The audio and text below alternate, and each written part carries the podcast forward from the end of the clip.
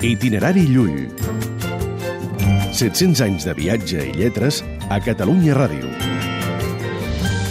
La creació de col·legis de llengües.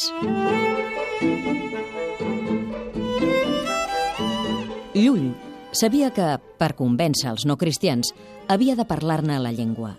Si no, qualsevol esforç esdevenia inútil. Per això va decidir que... Aniria al papa i també als reis i prínceps cristians a fi d'obtenir-ne que es construïssin en diversos regnes i províncies monestirs en els quals selectes persones anessin a estudiar els idiomes dels sarraïns i d'altres infidels. És un tema que surt una vegada i una altra en les seves entrevistes amb papes i reis.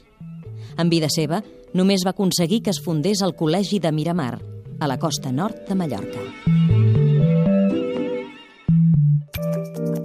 Itinerari Llull.